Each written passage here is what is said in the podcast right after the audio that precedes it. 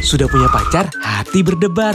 Tapi belum berani kenalan sama bapaknya yang kekar. Sudah punya banyak ijazah, S1, S2, S3, tapi belum mau kerja ah. Kerja di perusahaan gede sudah punya NPWP, tapi Belum lapor SPT, lapor pajak, e-filing aja. Nah gitu dong ngegas. E-filing Sudah punya, tapi belum. sekarang